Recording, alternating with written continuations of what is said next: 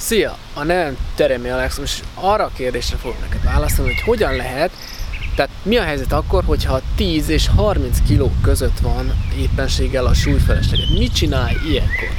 Na, mert most neked a legjobb ö, tanácsom az, hogy szintén el kell hagynod a magas kalóriatartalmú ételeket, de emellett most már konkrétan meg kell határoznod azt is, hogy mit eszel és mikor eszel. Ennek a legegyszerűbb módja egy étrend.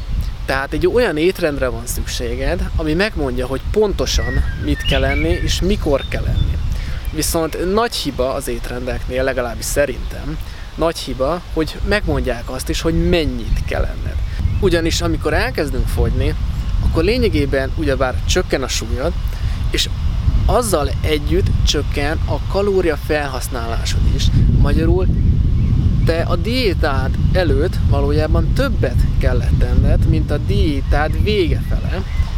Ezért, ha az étrend megmondja, hogy pontosan mennyit kell enned, tehát ha a, a, a diétád előtt ö, megcsináltad az étrendet, és az megmondja, hogy mennyit kell enned, az nem jelenti azt, hogy már a diétád vége fele is annyit kell lesz enned. Mert előfordulhat az is, ahogy csökken a súlyod, és te mindig ugyanannyit fogsz enni, mert te ragaszkodsz a, a, ahhoz a mennyiséghez, ami az étrendben benne van, akkor meg fog állni a fogyásod. Ez szinte biztos. Ezért kell gyakorlatilag folyamatosan után követni a diétádat.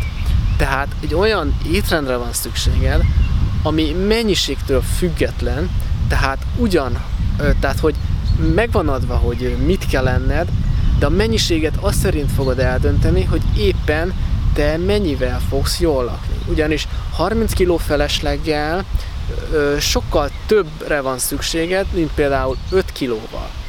Tehát ö, nagyon fontos, hogy a mennyiség az mindig változik a diét alatt, és nem lehet ugyanazt tenni.